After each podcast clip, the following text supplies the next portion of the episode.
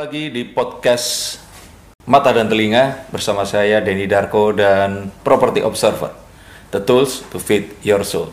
Eh, sebenarnya bukan Denny Darko, Ari Untung dan Sandi Sandoro. gue tinggal cukur ini doang nih, kan udah jenggotan. gue Eh, takutnya Sandi Sandoronya nggak suka dimiripin gue, mendingan lu miripin gue sama Sandiaga Uno. Karena itu sebenarnya lebih jauh lebih mirip. Oh iya iya. Ini adalah seseorang yang eh, nekat menjadi seorang komedian atau pelawak saat dia sebenarnya menga- apa, meni- me- me- apa, kuliah di UNJ. Iya. Ekonomi ya. Ikip dulu ikip. IKIP. Oke, tapi karirnya melesat malah pas waktu itu dan setelah itu pun selama 25 tahun masih nekat juga menjadi seorang komedian profesional dan gak cuman karir yang dipertahankan pertemanan ya kan, hubungan dengan orang-orang di sekitar dan sebagainya yang penuh warna itu sesuatu yang terus menjadikan seorang Narji dulu orang kenalnya Narji Cagur ya Iya. Nah, seorang Narji ini tetap stay menjadi seorang komedian sampai sekarang. Ya karena komedian buat saya itu adalah jalan yang mengantarkan saya pada akhirnya banyak dikenal orang. Oh, oke. Tapi berarti pas lo dulu kuliah, oke, lo udah kepikiran buat jadi komedian? Eh ini banyak orang yang belum tahu kalau gue tuh jadi pelawak dari kelas 4 SD bro. Sebentar, coba di dielaborasi, dijelaskan. Maksudnya gimana? Dari gue tuh SD kelas 2 Mm-hmm. temen gue kan kalau beli kaset itu inget nggak zaman kita kecil tuh belinya kaset Julius Sitangga Ya, gitu kan ha. Eh, Uci Bing Selamat yang lagu anak-anak Ha. gitu kan Nah, eh, Julius Tangga bukan lagu anak-anak. Lagu anak-anaknya pernah dia bikin per- eh, dulu pernah dia Iya, tapi kan zaman dulu banget. ya dulu banget lo, lo lama gue kan seumur, lo 77 kan? Iya. Lo 77 juga. Ya, lu, lu tinggalnya kan di apartemen. Ya, yang di ke atas. Gue juga di apartemen tapi yang ke samping kontrakan. Jadi beda kaset yang lu beli sama gue. Oh gitu ya. Tapi gue juga dengerin Julius Sitangga. Iya. Terus terus terus. Nah, gue tuh teman-teman gue di era itu beli kaset kayak gue beli tuh kasetnya tuh Jayakarta Group. Dulu kan lawak ada Iya, kasetnya. iya, iya. Gue beli eh, lawakannya The Bodos. Hmm, hmm. Nah, habis dari situ gue adopsi, gue ngelawak di depan kelas gitu kadang-kadang Empat lucu, SD? Kelas 4 SD. 10 tahun berarti. Nah, 10 tahun. Nah, 11 tahun kepala sekolah gue ganti. Hah? Diganti sama kepala sekolah dari daerah Bandung. Oke. Dia bawa alat namanya calung. Oke. Akhirnya gue dibikinin grup. Oh. Dibeliin alat, dibikinin grup. Terus? Nah, dari situ gue SMP kelas 1 tahun 91 itu Nah, itu grup calung atau grup lawak? ya kan calung ada lawaknya kan? Iya, maksudnya tapi tetap harus pakai calung kan? Iya. Oke, terus Eh, tahun 91 itu kan ada Visit Indonesia Years kan? hmm. Nah, tahun kunjungan Indonesia tuh. Iya, iya. Archipelago atau apa tuh? Ah, terus eh, waktu itu diadain lomba lawak semua kelompok umur di Kabupaten Oke. Tangerang. Hah. Dan waktu itu gue juara ketiga grup gue itu. Oh. Tapi begitu gue masuk SMP, Hah? SMA, gue nggak ketemu temen partner eh, yang satu frekuensi Nah, sama bercanda. berarti seorang Narji ini pasti selalu berkelompok waktu itu ya? Iya, karena gue lahir gede di ormas gitu. Jadi hidup gue udah biasa berkelompok gitu. Kagak lu karena dari kecil lu dengerinnya itu tadi kan semua berkelompok kan? Berkelompok. Jakarta Ah, Group ah, ya kan, The. Bodors. Iya, iya. Bagito. Ah. Eh, tapi begitu emang ada kasetnya? Nggak ada kan? Sempat ada dia, Sempat bikin, ya? eh, Oh. eh, yang di pos ronda. Oh, kalau Jakarta gua sempat ngumpulin. Oh, Warkop juga punya kan? Iya, Warkop ada Kasetnya juga. Lembaga Bantuan Humor itu. Ya. Nah dari situlah gue berpikir dan nyokap gue itu adalah orang yang pertama kali gue nyebut gue tuh pelawak. Gimana? Lu yang lu ingat? Karena gue udah tampil di acara 17-an. Hmm. Wah dari RT ke RW sampai ke kelurahan, kecamatan. Hmm. Grup gue itu. Si calung itu tadi. Oh, eh, jadi nyokap gue tuh kalau bangunin gue sekolah. Bangun. Kalau mau jadi pelawak bangunnya pagi biar lucu. gitu. Nyokap lu udah lucu loh sebenarnya itu.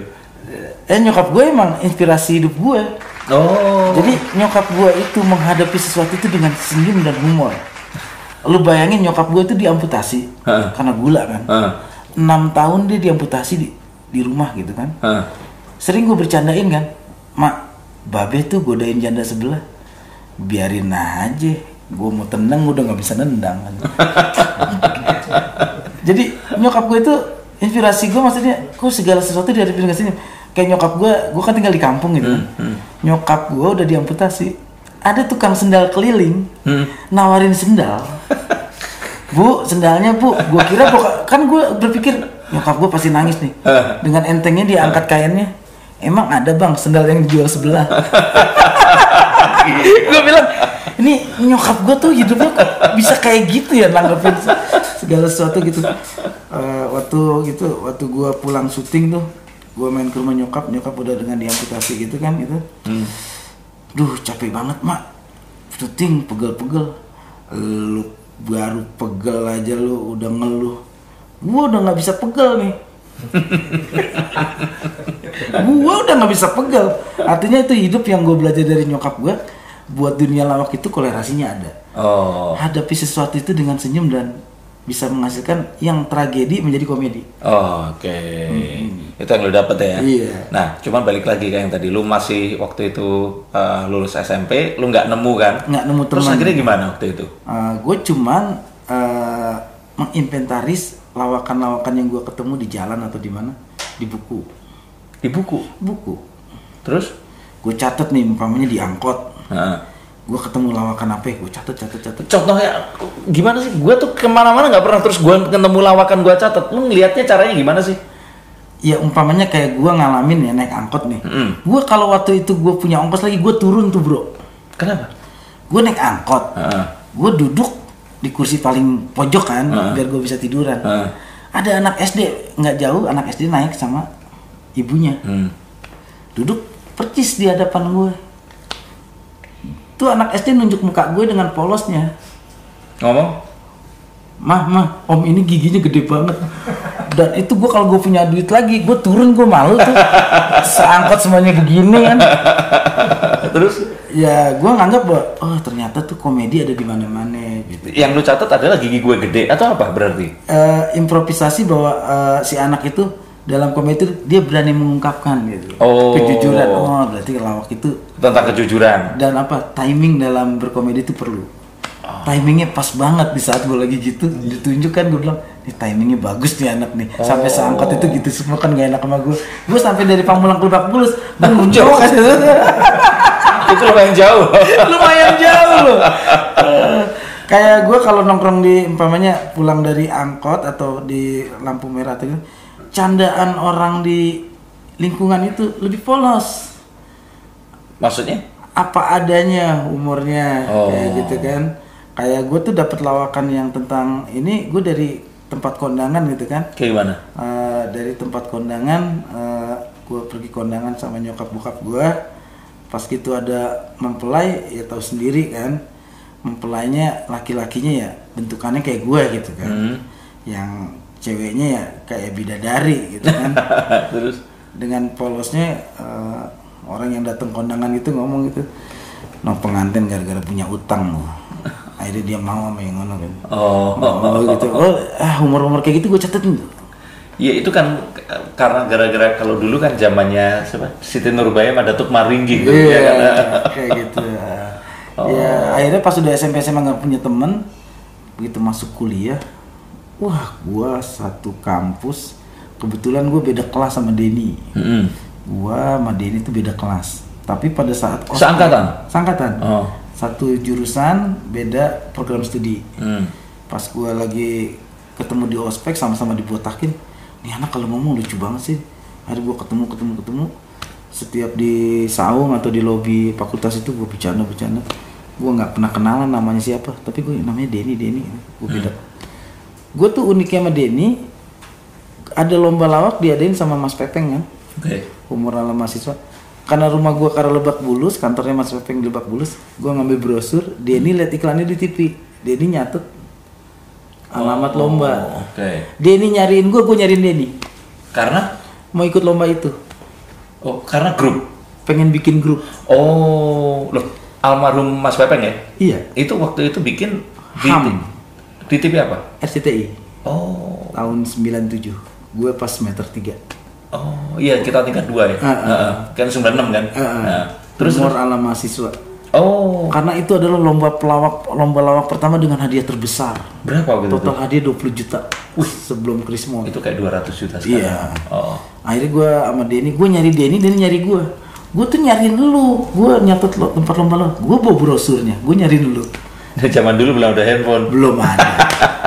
ada sih, tapi kita nggak mampu beli. ya akhirnya itulah Ikip melahirkan Cagur. Gitu. Oh. Cagur itu gue yang kasih nama. Gue tuh pengen banget punya sejarah membuat satu kata yang tadinya nggak ada di kamus akhirnya bisa menjadi sebuah kata yang ada di Indonesia gitu. Hmm. Sekarang kalau kita browsing Cagur kan Ah, jadi ada. jadi ada. Loh, itu kan lu cuma ketemu sama Denny, yang lainnya ketemu di mana? Begitu gue cari, kayaknya kalau ngegrup berdua ini nggak enak Den. Nah, Harus cari satu lagi. Tadi rencananya cewek cakep, siapa? Putri. Itu sekarang orangnya pun tahu kalau itu mau lu ajakin. Ya tahu karena akhirnya di lomba yang sama itu juga dia bikin grup sama cewek tiga-tiganya. Oh, sekarang Dan jadi pelawak juga. enggak? Enggak. Oh.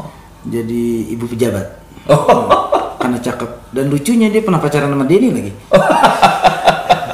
Setelah nolak gue akhirnya terima Denny kan. Gue bilang Denny emang bener-bener ya. Eh, oke oke. Lu akhirnya berdua terus nemu siapa? Sabto. Oh. Tapi Sabto tidak memilih terjun ke dunia ini setelah menang lomba.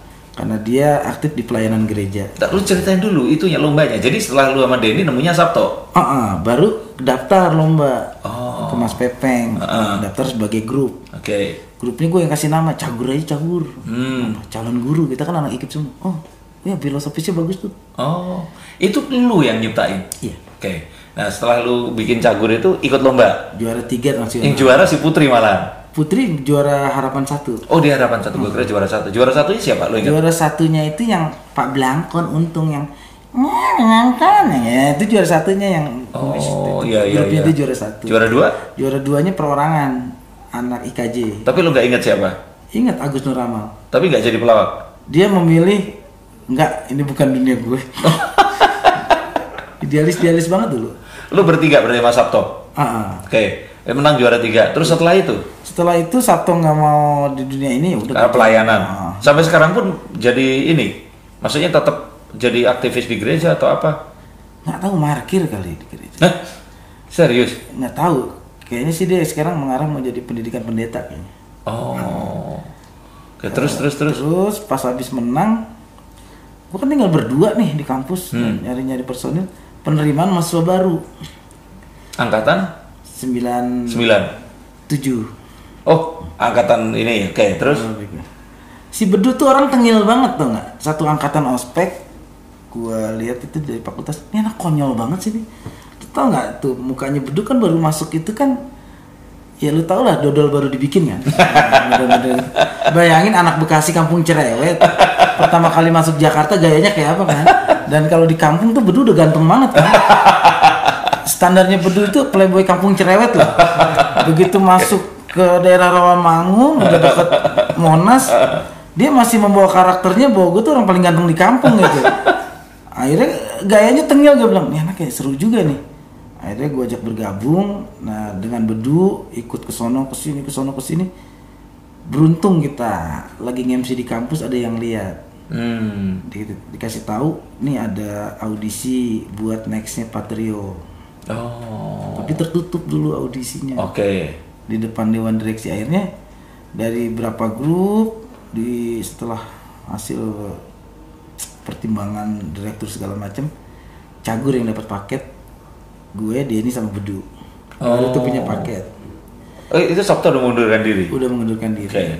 begitu udah masuk TV jalan setahun kita memotivasi Bedu agar keluar gitu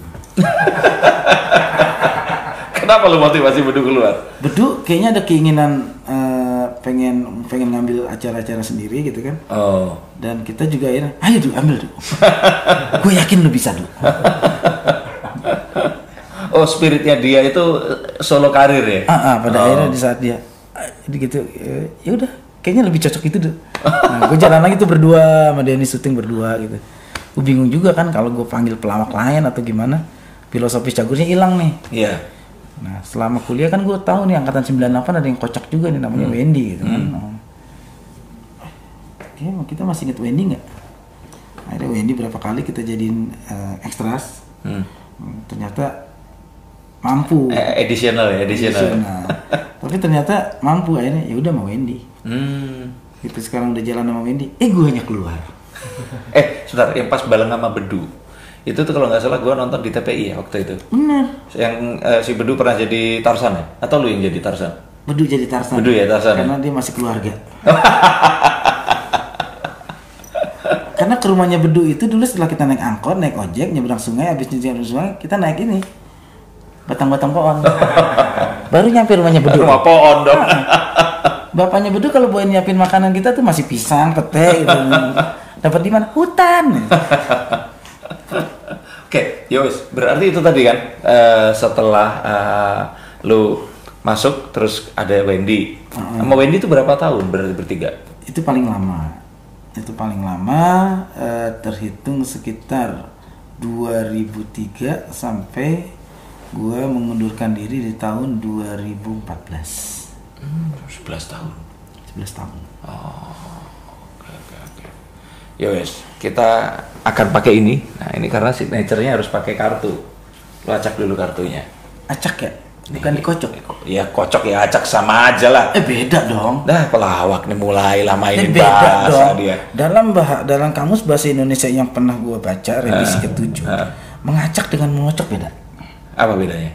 ah kalau coba sini rambutnya saya acak-acak. Oh, iya. coba sini rambutnya saya kocok-kocok. Nggak bisa ya? enak juga kan? Ah, ah. Tapi kamus lu kan yang ada kata-kata cagur ya, kamus gua nggak ada kata cagur. oh belum ketemu. Waktu itu ini main kartu apaan? Gede gini nih. Terus abis gini ini sebenarnya hal yang paling gue deg-degan nih. Soalnya gue pernah juga istrinya dia ngeramal jupe gitu kan. Gue jadi deg-degan juga nih Semoga kartunya sama semua di lupa Nah, bawa. ambil kartu, mana aja? Serius. Serius. Gue suka tengah. Karena apa pun paling enak tuh bagian tengah. Nah. Jadi tiap kartu itu punya arti sendiri-sendiri. Oh ya? Nah, dan pertanyaannya akan berdasarkan kartu ini. Oke. Oke, Three of Coins. Ini yang seru. Ini tentang bagaimana seseorang itu eh, ini kalau tentang ini keuangan dan kesehatan.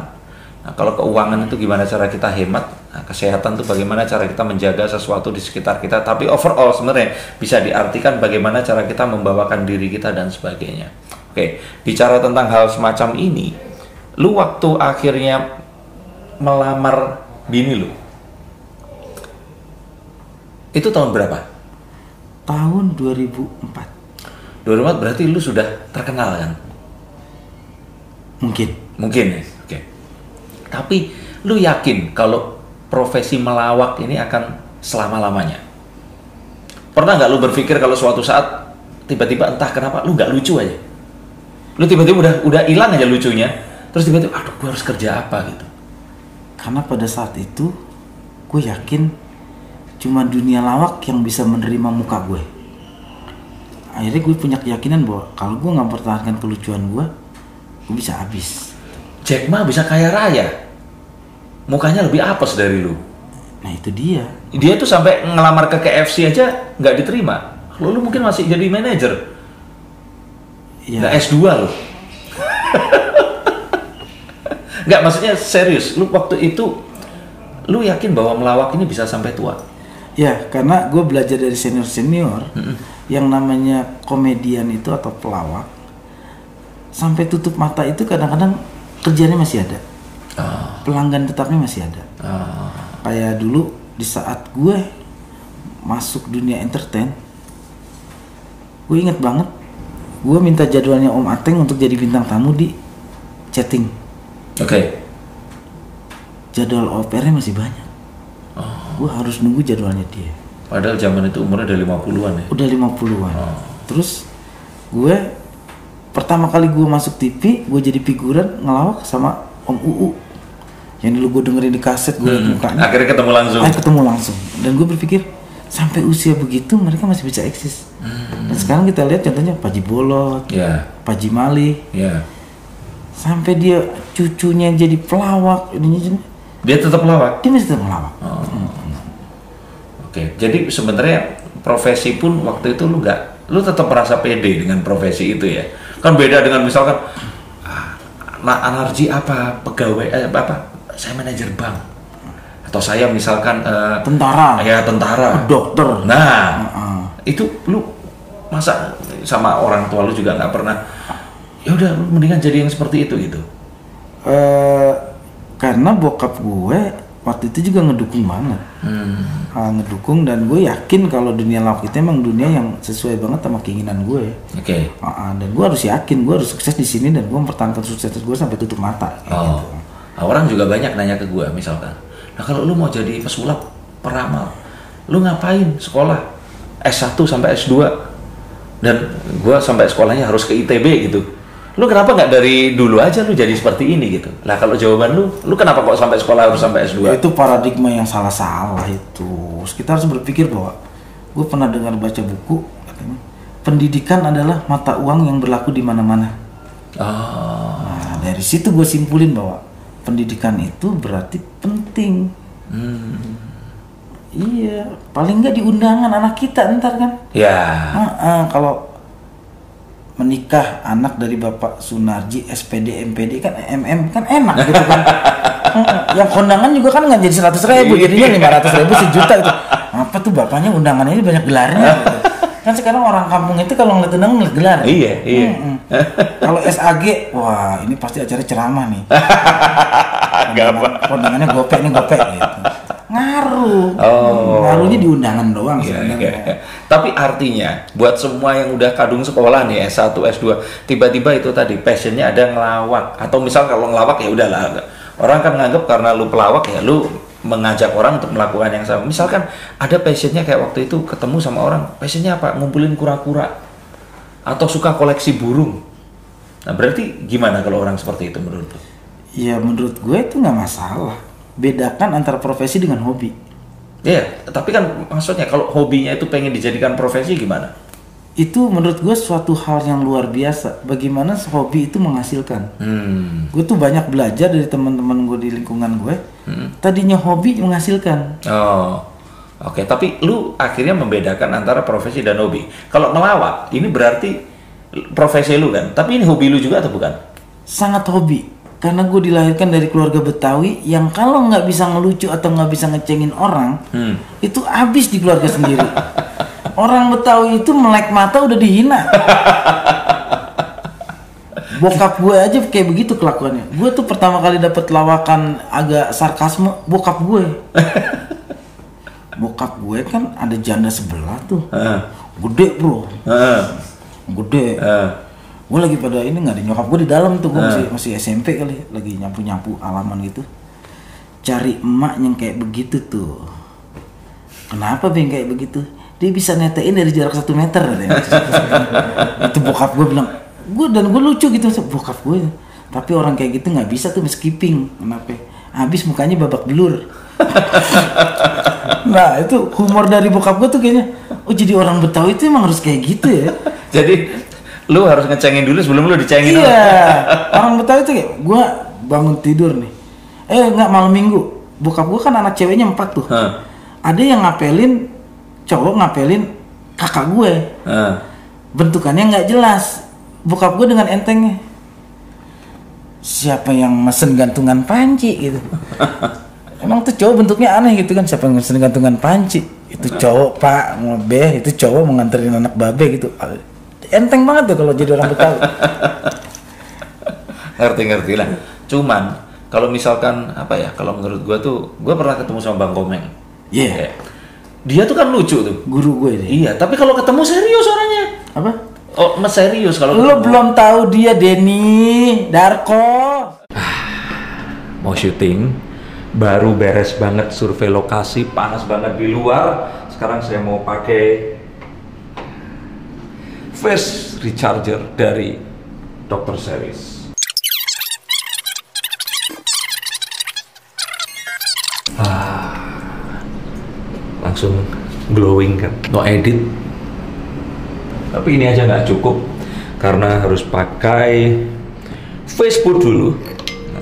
Bukan fast food ya tapi face food.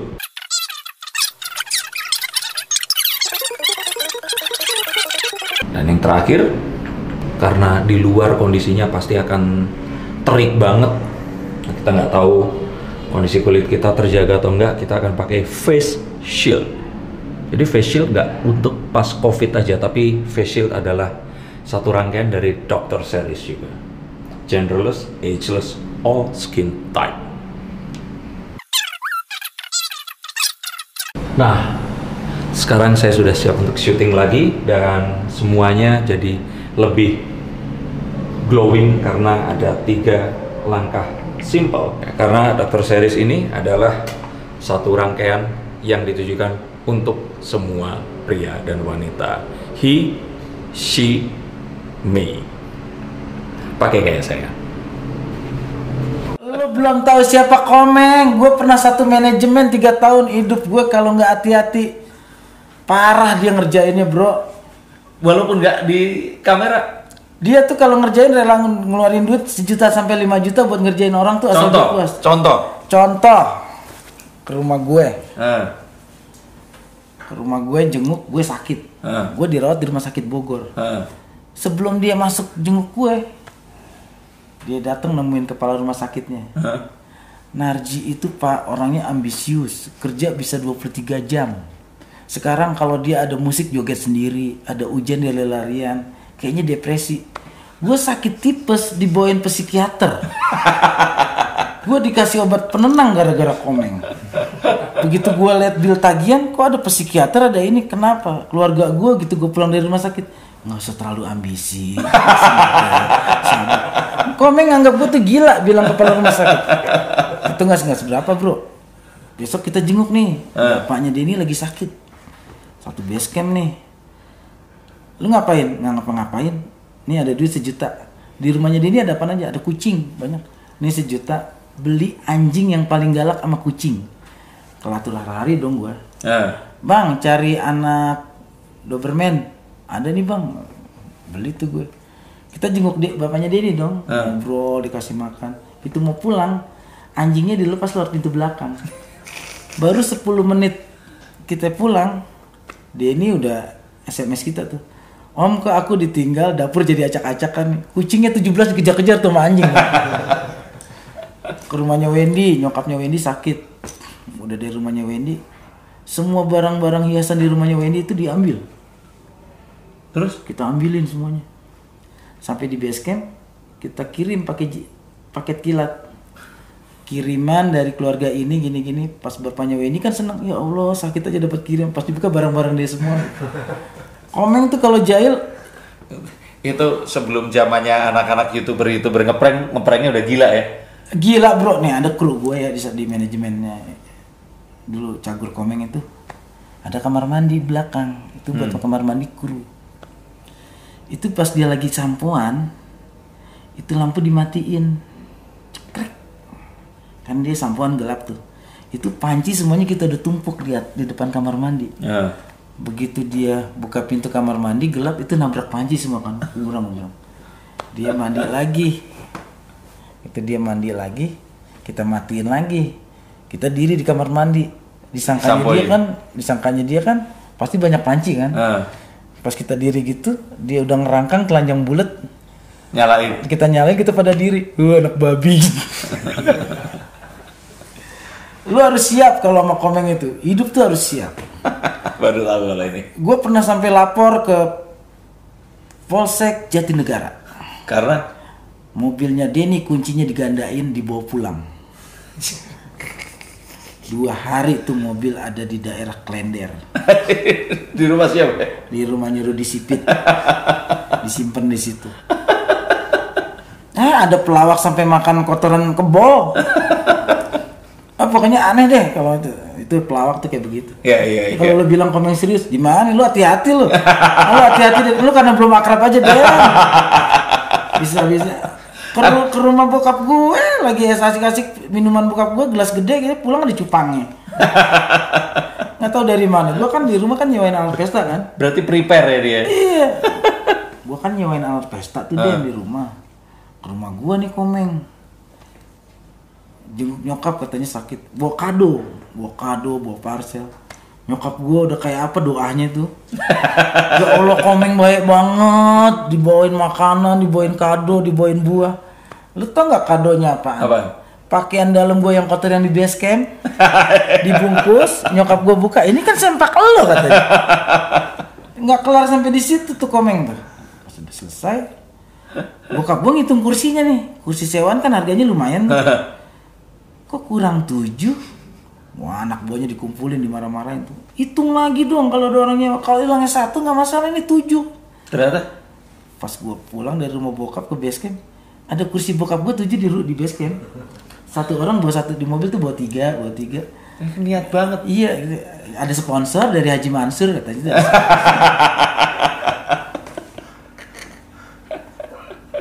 Kocok lagi.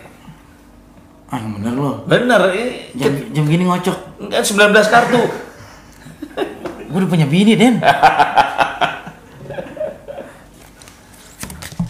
kartu ada berapa 78. 78 kenapa jumlahnya 78 78 itu dari si dibagi jadi mayor arkana, minor arkana, putaran bulan sama ada satu lagi dari si jumlah bulan itu sendiri. Ambil mana aja.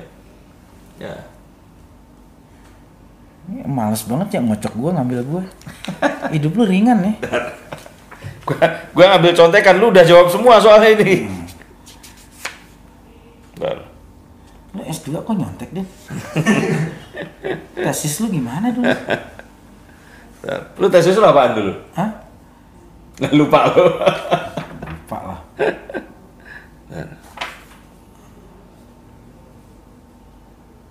Lu ngelamar tadi udah. Oh, oke.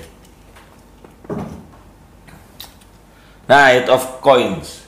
Ini tentang gimana lu selalu mempelajari sesuatu yang baru dan baru. Menurut lu, zaman lu dulu itu jadi seorang pelawak, kan belum ada tuh stand up comedian. Nah, terus keluar jenis-jenis lawak yang baru. Menurut lu, lawak itu harus lu pelajari terus atau istilahnya akan tetap ya udah dengan ada yang sekarang itu cukup untuk ngambil lu tua kayak kalau pesulap kan belajar trik baru atau enggak? Kalau ada pesulap baru seperti apa? Karena kan kayak stand up comedian ini kan beda. Dia kan nggak ngegrup tuh dia kan solo tuh sendiri. Sebenarnya ini hal yang perlu diluruskan ya. Hmm. dunia stand up itu bukan yang baru di Indonesia. Penonton stand up itu yang baru di Indonesia. Zaman kita itu dulu namanya ada Oteng Lennon. Hmm. terus ada lagi itu mereka berstand up dulu kan di zaman tahun 70 80 banyak lomba lawak tunggal namanya. Oh ada ya? Ah, ah. dan itu tapi penonton kita di zaman itu sama dengan era 2000-an itu banyak belum masuk frekuensinya dengan lawak tunggal. Dan begitu dengan stand up itu bikin komunitas-komunitas komunitas penonton sesama stand up frekuensinya sama. Dibantu dengan sosmed. Oh. pada akhirnya muncullah sebenarnya dulu cuma namanya dulu bilang lawak tunggal sekarang stand up atau komika oh Hmm. Kalau ditanya tadi soal pelawak kita harus belajar, pelawak itu adalah orang yang harus peka dengan perkembangan, ilmu pengetahuan, informasi, dan anak-anak sekarang lebih diuntungkan. Karena ada si Google Ada Google, zaman kita kan ke Metro Data sejam goceng, ingat nggak? Yang di Romangun tuh. tadi. bukain buku Buka bukain buku dong, clipping. clippingin dong. Tambah 2000 ya bang. Ah, kenapa fotokopinya mampet tadi? Gue inget banget tuh kalau mau nyari iya kalau nyari bahan Jadi bahan harus kayak gitu. oh Sekarang kan apa-apa ada Mbak Google macam. Dan Cagur itu dulu orang yang sangat menghargai bahwa pelawak itu nggak siap tampil kalau nggak bawa peluru. ya Kayak kita mau ngelawakin tentang eh, petugas pemadam kebakaran, kita panggil orangnya dua ke base camp. Kita tanya istilahnya apa, Di riset ya? di riset kayak gitu. Dan gue datang ke Lebak Bulus ke kantornya. Hmm. Gue tanya ini apa pak? Terus kayak kita ngelawak tentang ini sing, singkat simpel banget kan tentang eh, apa dulu rentenir ya kita itu dengan koperasi lambang koperasi itu kita kupas hmm. ini ini, ini. Nah, itu. jadi dulu itu kita siap Iya. ngelawak itu karena pelurunya udah banyak gue ingat dua waktu dulu gue kan di Tulungagung tuh Jawa Timur suatu ketika yang ngundang Sri Mulat agak Sri Mulat kan ya lawaknya legend juga kan Iya. Gue nggak tahu ini jenis lawak yang mana sih yang kalau misalkan ada satu orang di ya biasanya kan kalau itu kan kayak dibuat cerdas cermat. Denny jawabnya bener terus lo apa pun jawabannya akan salah terus gitu. Nah, gue pikir itu kan cuman ya lucunya cuma di situ doang. Tapi ternyata yang unik adalah dia itu ngeriset kota gue. Jadi dia tuh kayak tahu nih tukang pijat yang paling terkenal siapa, tempat makan soto ayam paling terkenal di mana, ini di mana. Jadi di balik ternyata dia itu eh, bercandaan itu tadi ada kedekatan antara dia sama penontonnya. Dan itu sekitar tahun 8 89 90 loh udah melakukan seperti itu gitu. Ya memang pelawak yang baik itu yang harus kayak gitu. Hmm. Kalau kita diundang di suatu tempat, kita harus ngelawakin eh, materi kita tuh tentang intern dulu. Hmm. Orang tuh akan lebih suka mempertawakan wilayahnya, kehidupan pribadinya terlebih dahulu, baru kita kasih materi yang kita bawa. Hmm. Kan begitu juga kan almarhum Jainuddin MZ. Oh. Di saat dia ceramah di Sukabumi, Hah? yang pertama diolah tentang Sukabumi dulu. Hmm. Baru dia masuk materi umum. Oh, jadi ternyata orang nganggep kan ah kalau pelawak pekerjaannya juga paling kan dianggap pelawak itu kan misalkan misalkan nih ada orang ngedit nih misalkan terus nggak bener ah editan lu bikin lu bercanda seakan-akan ada kata-kata bercanda itu meremehkan sesuatu gitu loh iya kan punya satu analogi seperti itu tadi padahal ngelawak itu serius banget Pelawak adalah manusia paling serius di dunia. Buat bercanda aja dipikirin. bener Benar, makanya jangan heran pelawak itu kenapa istrinya cantik-cantik. karena Buat bercandanya dipikirin gimana buat jodoh Oh. hidup. Karena ada perjanjian antar pelawak se Indonesia. Yang punya istri jelek jangan ngumpul. makanya Denny pun istrinya cantik ya kan Ya, itu nih semua pelawak di Indonesia. Ada nggak yang istrinya jelek? iya bener Biasanya yang istrinya jelek kawin lagi. Iya. Nyari yang cakep nih buat ngumpul. ambil lagi Enak ya di sini ya. Kerjaannya bercanda ngocok, bercanda ngocok gitu. Aduh, jatuh mulu dia, tangannya kecil apa? bukan itu berarti yang jodoh itu kartunya sebenarnya Oh gitu. Nggak bilang. Eh, tadi tengah udah, atas sudah Ya, bawah. bawah. Ah, ya wah apa? death kematian Ah, lu Din ah. Lu bercanda Din ah, anak gua tiga masih kecil-kecil Din. ah. lu pernah nggak kepikir suatu hari kayak aduh gua kayaknya mau berhenti ngelawak aja mau ngajar atau kayak mau ganti profesi Pernah. apa waktu itu yang lu ganti yang lu pikir akan bisa menggantikan menjadi seorang selain pelawak Eh, mengajar itu buat gua adalah bukan memberi ilmu, tapi mencari dan mendapatkan ilmu. oke Di saat kita memberi, kita akan mendapatkan. hmm. Di saat gua udah berapa tahun gua ngelawak, gua merasa materi lawakan gua udah habis. terus Gua harus sekolah atau gua ngajar. oke Karena gua tuh banyak dapat materi lawakan itu di saat gua sekolah sekolah atau di saat gua memberikan materi. Itu alasan lu juga untuk ambil S2 kemarin atau bukan Iya. oh Jadi dari materi-materi S2 itu ternyata beda ya sama S1 ya. hmm. Nah, pada akhirnya gue berpikir bahwa ini banyak yang bisa dilucuin nih sebenarnya. Hmm. Nah tapi kalau begitu kan akhirnya lawakan lu berbeda dengan lawakan lu yang sebelumnya. Ya nggak apa-apa, warna apa eh, secara eh, benang merahnya gue nggak rubah. Hmm. Tapi materi-materi barunya gue banyak dapet. Nah cuman itu lu sempat pikirkan untuk lu kembali lagi ngajar dan nggak ngelawak lagi atau gimana? Sempet sih kayaknya bahagia banget itu. gue juga kan ditawarin jadi dosen kan. Hmm. Gue langsung berpikir bahwa dosen itu atau guru mukanya pada awet muda lu Den. Ingat nggak kalau kita reuni?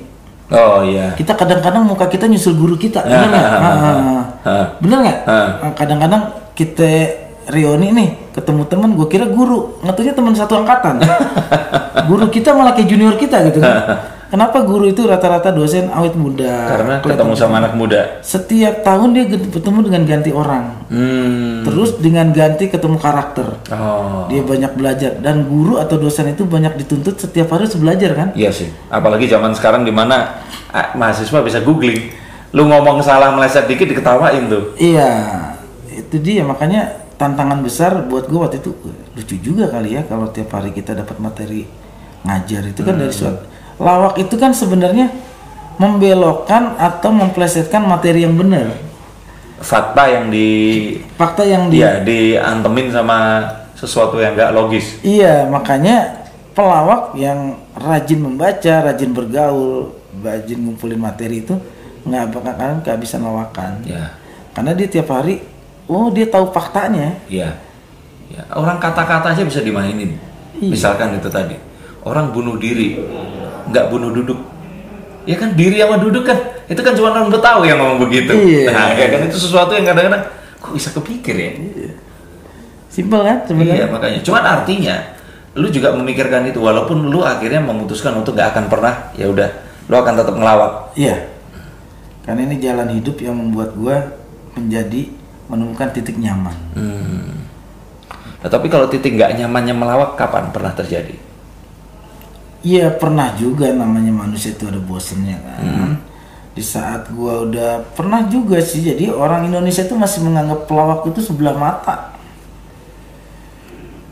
Kalau gue tinggal di kampung di gerbang itu kadang-kadang anak kecil itu kalau ketemu pemain sinetron kan enak, oh, Om Beri Prima, iya. oh, Om Anjasmara. Gila gitu. sinetron tuh tua amat.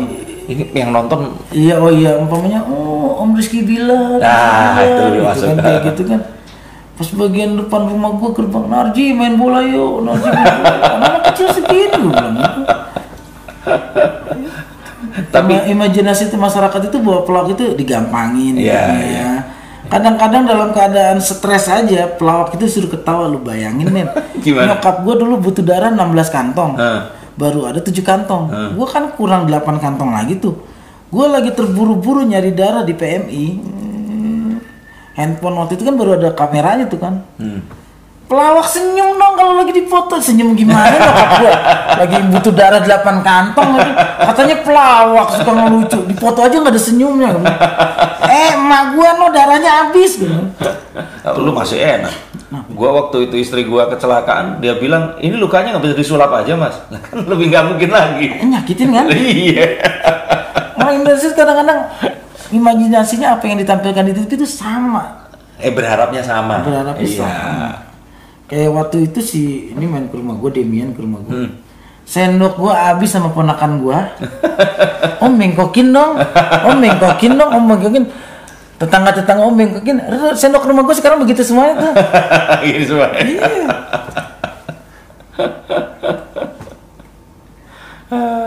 Ntar, ini udah berapa menit? 41. Ya, berarti dikit lagi. 45 menit ngejarnya. oh kayak, kayak main bola ya Iya. Gue pilihin yang yang lucu. Motivasi humor. Lu tadi belum gua tanya udah ngomong. Eh, ya gua biar biar biar setiap gue diundang collab itu gitu biar orang nggak banyak nanya. Jadi satu pertanyaan gue jawab buat empat pertanyaan. Efektif aja gue mah. Ngomongin apa lagi ya? apa? Ini semua yang lu ceritain udah ada semua. bisa tahu gue ya? Iya, makanya. Sulap. lebih, lebih tahu dari pesulap ya. Orang tadi ketinggalan di meja makan. Terus lu baca. gue baca gue udah tahu apa yang mau tanya. Ayo kasih pertanyaan apa? Apa bu? Yang kuliah-kuliahnya belum ya? Udah, Udah, tadi. udah. Di awal. Apa? Tak tarikin dua kartu lagi terus apa? Nanya. Apa aja? Ya? Apa ya, mau nanya lagi kenapa pelawak pada suka kawin lagi gitu Nah, lu nggak? Hah? Ya, dapat satu aja gue syukur Eh udah, yuk ambil kartu Hmm, dulu. oke enak ya di sini ya Nah. Atau langsung dua, langsung dua, langsung dua, langsung dua. baru nih ada pertama langsung ngambil dua Udah satu satu taruh situ. Udah. oke oke Biar nggak ngocok-ngocok dua kali. Iya sekali aja lemes kan The S of Ones, tujuan. Nah, apa yang akan jadi tujuan lu di waktu mendatang ini? Sesuatu yang lu belum tercapai, sesuatu yang sedang lu perjuangkan selain YouTube. pengen gua Sekolah humor, sekolah pelawak. Gue Lu kan pengen, guru. pengen bikin kurikulum lawak. Karena gue udah bikin kamus bahasa Betawi Tangerang Selatan. Gila. Gue udah bikin. Lu harusnya ngambil S2 lagi tapi bahasa. Eh, Seharusnya. gue lagi ngambil, gue udah, udah jadi tuh Hah? buku kamus bahasa Ta- Betawi Tangerang Selatan.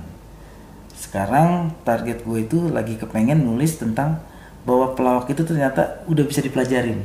Kan selama ini nggak ada kurikulum. Nggak ada teorinya. Nggak ada teorinya, ngelawak itu ternyata bisa. Coba lu kasih satu teori, misalkan gimana? Teori bahwa lawak itu adalah sebuah ilmu. Ilmu itu kan eh, dasarnya satu realita empirik. Hmm. Dapat dibuktikan kebenarannya. Oke. Eh, berdasarkan ilmu itu kesiksa eh, rasa tersiksa manusia. Contohnya kita menciptakan sendal itu kan ilmu. Hah? Awalnya manusia tersiksa jalan tuh panas. Oke. Akhirnya dapat ilmu bikin sendal. Hmm. Ternyata lawak juga begitu. Lawak itu ada ilmunya juga. Lahirnya dari ketersiksaan juga atau apa? Kalau kita lihat dari empirik bahwa pada dasarnya manusia itu semuanya bisa ngelawak. Oke.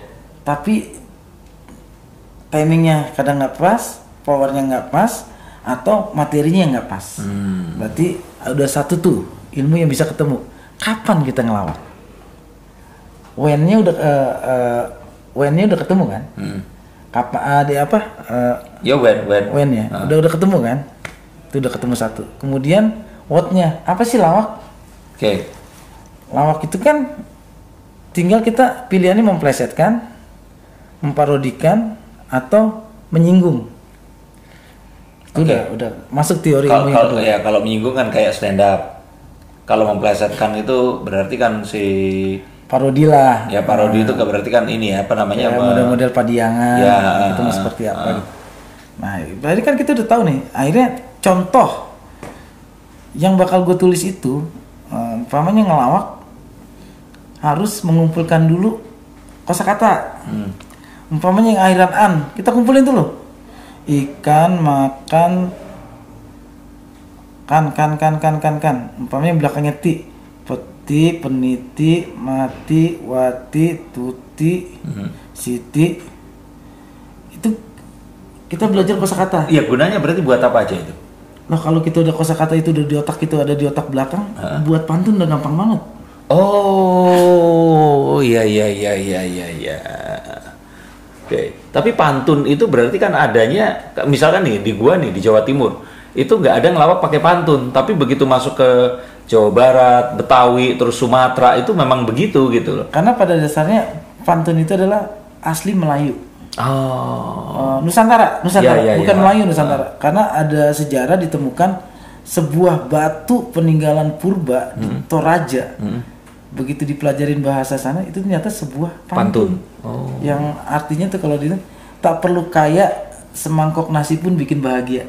Oh. Ternyata itu sebuah pantun. Oh. Itu berarti pantun adalah budaya asli kita yang sebenarnya bisa jadi komedi, pantun satir, pantun hi- eh, nasihat gitu. Dan lu memang me- apa namanya? Meriset aja Ya. meriset. Oke, dan itu yang akan lu bawakan nanti. Maksudnya mau lu jadikan satu teori, terus dikasihnya di mana? Ya, Apakah di mudah-mudahan. YouTube atau di sekolah atau apa? Ya awal-awalnya gue akan itu bikin dulu forum-forum diskusi. Weh lawak itu bisa dipelajarin weh. Gitu. Oh, oke.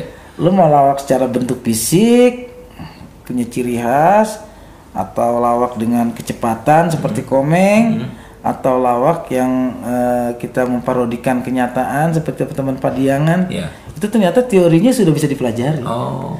Tinggal gue tuh masih belum tahu di mana gue menulai nulis buku itu.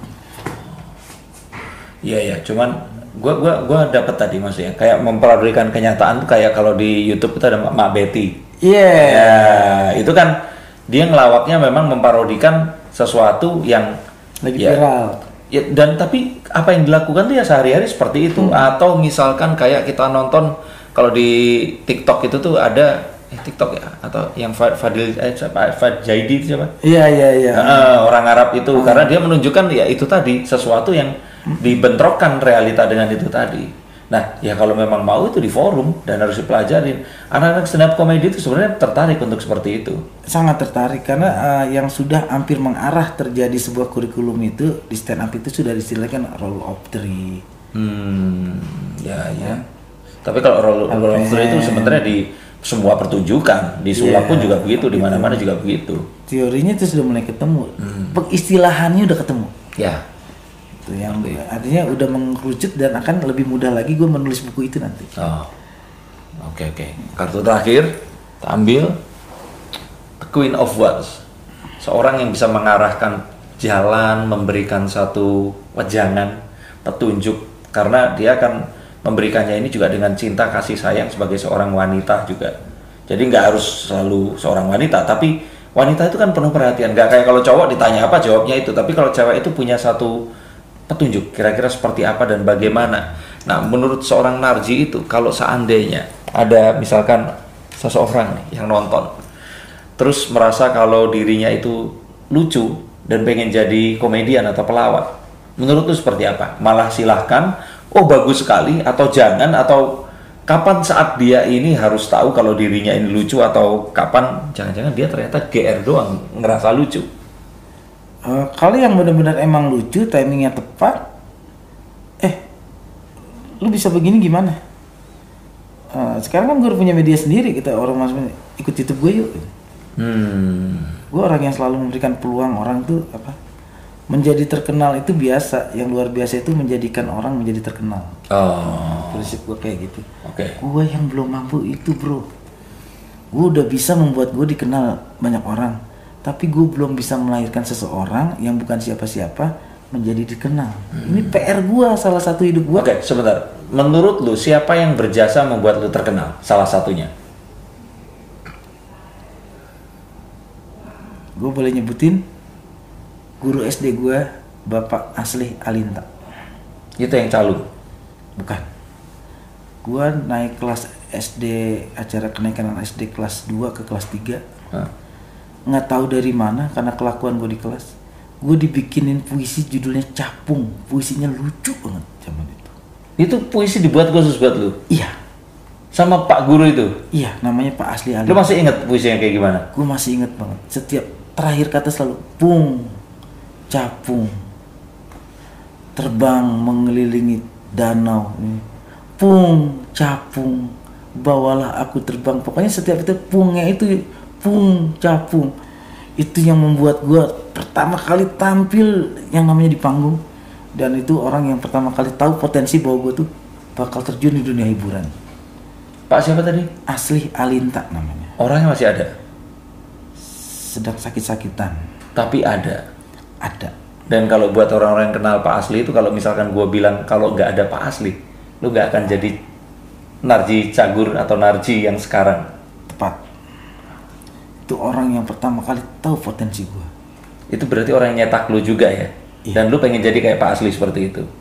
Yang bisa istilahnya menunjukkan jalan juga walaupun mungkin dia kan bukan pelawak.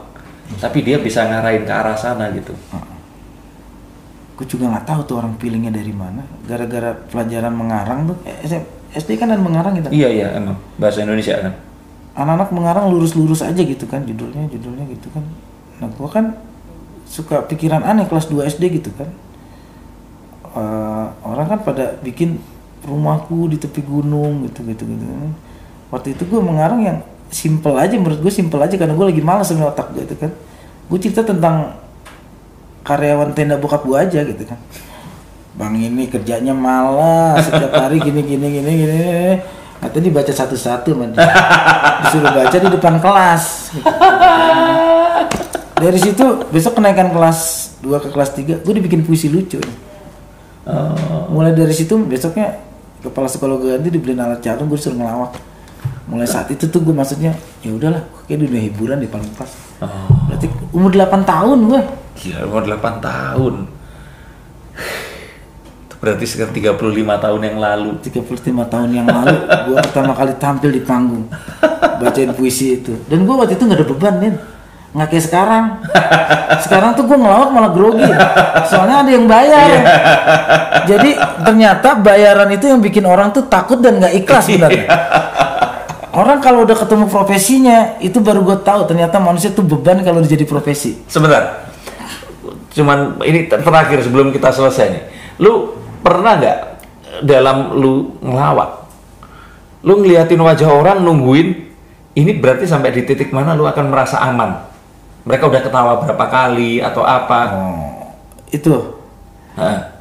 Gua- Yang secara langsung kalau lu misalkan disuruh MC atau apa atau lu kayak dulu di inbox gitu ngelihat itu dan sebagainya yang bukan penonton bayaran lah ya.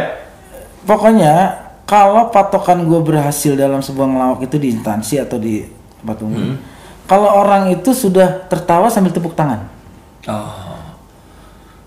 Oke oke. Kalau ketawa doang kalau ketawa doang berarti dia baru warming up ya, pemanasan. belum belum belum berhasil jadi pelawak tapi kalau dia ngelawak ketawa sampai yang wah itu berarti itu Kena ya? keberhasilan pelawak Oh. Nah, peluru lu juga berarti macam-macam nih.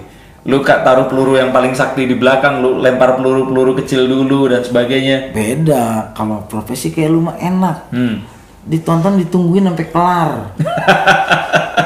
Demian, Deddy Kobujar itu orang yang enak.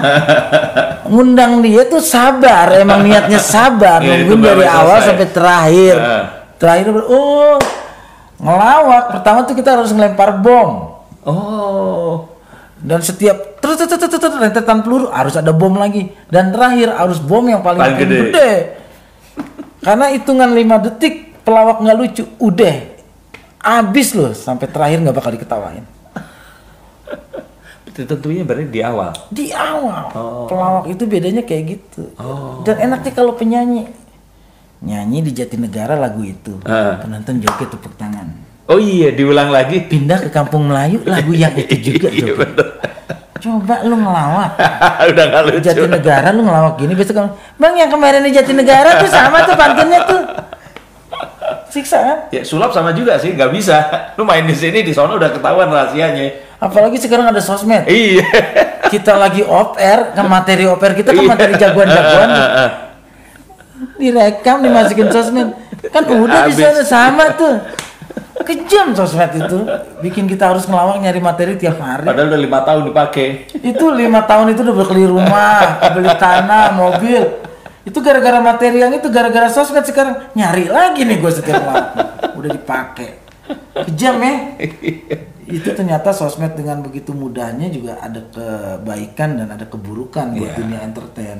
Tapi ngomong-ngomong sosmed, lu sekarang ada di YouTube juga ya. Ya, dan YouTube gua. eh, ya YouTube ini ternyata beda ya sama TV. Dan walaupun hari ini lu baru pertama bayaran, akhirnya Akhirnya akhirnya dikirim juga berapa ratus juta? 100 rupiah buat ngetes verifikasi udah bener nggak ATM saya 100 perak. 100 perak dulu diuji coba Oke, tapi video ini akan jadi satu video bersejarah pas nanti penghasilannya 100 juta. Nah, 100 peraknya hari ini nih.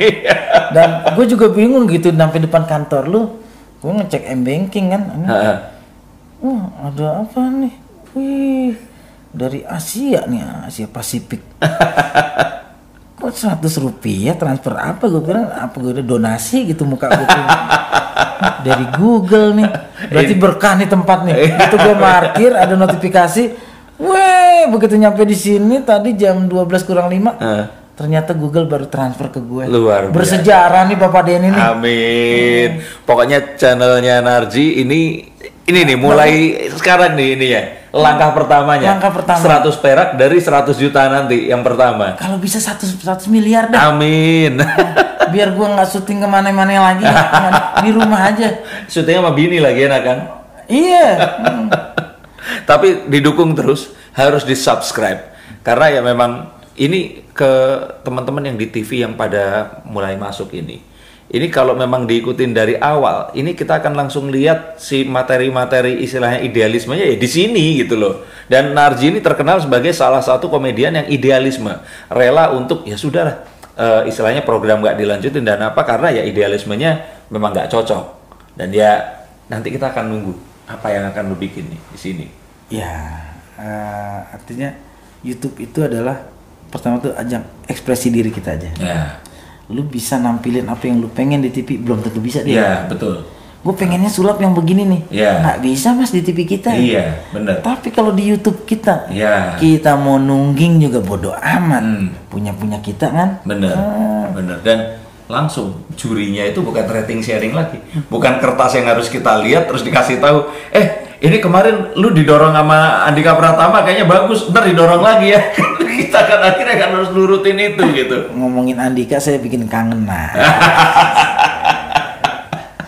Tapi kan ya terakhir itu gua bareng lu di atas panggung bareng sama Andika di itu. Bener ya? Eh, eh, malah bukan ini, bukan itu acara lama banget tuh. Lama itu acara roadshow ke daerah. Iya makanya. Hmm, kalau inbox mah kan Pak Tarno. Oh iya Pak Tarno. Yang simple-simple. Tapi Pak Tarno tuh sering ngambek sama gue. Ke gua aja juga ngambek. Emang sih suka ngambek? Iya, karena dia tuh kesel. Jadi itu dia nggak pernah mau lagi ngelawak kalau apa. Karena lu bongkarin. Alatnya gue rusak, gue juga salah. Pak Tarno minta maaf ya. Yang kejadian di Cibinong, maaf Pak Tarno ya. Gue nggak tahu kalau itu tongkat sulap. Gue pikir mah nge- ngebetulinnya gampang. Pas sudah dibuka kan, drut. udah. Gue gulung-gulung versi gue, gue masukin lagi. Pas dia mau sulap, rusak. Narci ngerusak. Saya nggak bisa sulap lagi. Mulai saat itu Pak Tano nggak mau. Pak Tarno mau dimaafkan Pak. Jahil juga lagi gue dulu. Pak Tarno punya buku sulap. Gue buka-buka, burungnya terlepas. Terus Pas dia mau atraksi yang itu, burungnya udah nggak ada. Gak, gak, gak, masalahnya apa? Ini ini tuh materi terakhirnya. Kalau stand up comedy ini punchline-nya, ini bom terakhir ya. Lu nyalain sebelum waktunya. Sulapnya selesai, bro. Gitu ya. Maaf ya Pak Tano saya kagak tahu. Pak Tano sih alas sulap digeletakin aja. Saya kan orangnya nggak bisa diem tangannya, nggak bisa diem. Saya buka ini buku-buku bagus. Kan burungnya terbang. Waduh gimana? Gue juga nggak enak. Gue telepit lagi aja gue pura-pura bego. Mas, habis ini ada burung ya? Begini. Kok nggak ada burungnya? Ya udah terlepas burungnya mati ya. Pas di belakang si Narji paling itu ngelepas burungnya. Asistennya tahu lagi ya si Narji tuh ngelepas burungnya gue merasa berdosa sebenarnya. Pak Tano saya nggak ada niat loh. Ya wes. Dan harus ditunggu juga di TV karena mungkin akan ada program ya. Insya Allah. Dalam waktu dekat ya. Ada waktu dekat ada program. Amin kalau gitu. Yang kangen Narji langsung datengin Narji. Lu apa? Cuma Narji doang atau apa ini? Abang Narji. Abang Narji. Udah gitu doang channel saya mah Abang Narji. Oh. Nggak ada yang cloningan. Abang Narji yang lain atau apa? Hmm, pokoknya jangan jangan dan yang lain itu berarti bukan punya saya. Hmm, yang ada Dan subscribe ya. yang ada channelnya, ada kan ada kanalnya segala macam bukan saya ya. saya mah udah cukup Abang Narji gitu. Kanal kan bedu. Oh, kanal bedu. Orang bedu bedu rumahnya depan kanal. Bedu itu manusia paling kaya loh. Kenapa? Orang di depan rumahnya kolam renang. Di, di kali bro. Ini bedu kalau nonton. Hah? Eh biarin aja gue tahu siapa dia. Bedu gak bakal marah sama gue. gue kagak bukan masalah Masa itu. kelamnya ada di kantong gue bro. Ya wes, thank you banget. Oh gue yang thank you udah main. Gue akan ke channel lu juga loh ntar. Ngapain ntar sekarang aja. Lah iya, maksudnya ntar tuh sekarang kan sekarang, ntar mah ntar. Ini tutup dulu baru kita ke sono. Itu, emang pakai ditutup-tutup. kan udah dikocok. Oh, udah kocok ya. Kalau nggak ditutup gimana? Oh iya. Kan kerubutin lalat. Nah, gue udah lucu belum? Wah, jangan lucu-lucu lo. Lo udah ganteng, sulap, lucu. Pelawak makin kurang kerjaannya. Diambil lu semua. Yuk, yuk kita langsung pindah ke channel Abang Narji, tungguin di sana. Oke, buat kalian semua yang sudah nonton, tetap saksikan acara podcast Mata dan Telinga bersama Denny Darko dan Property Observer. Dan ingat, ini adalah the tools to fit your soul. Wih.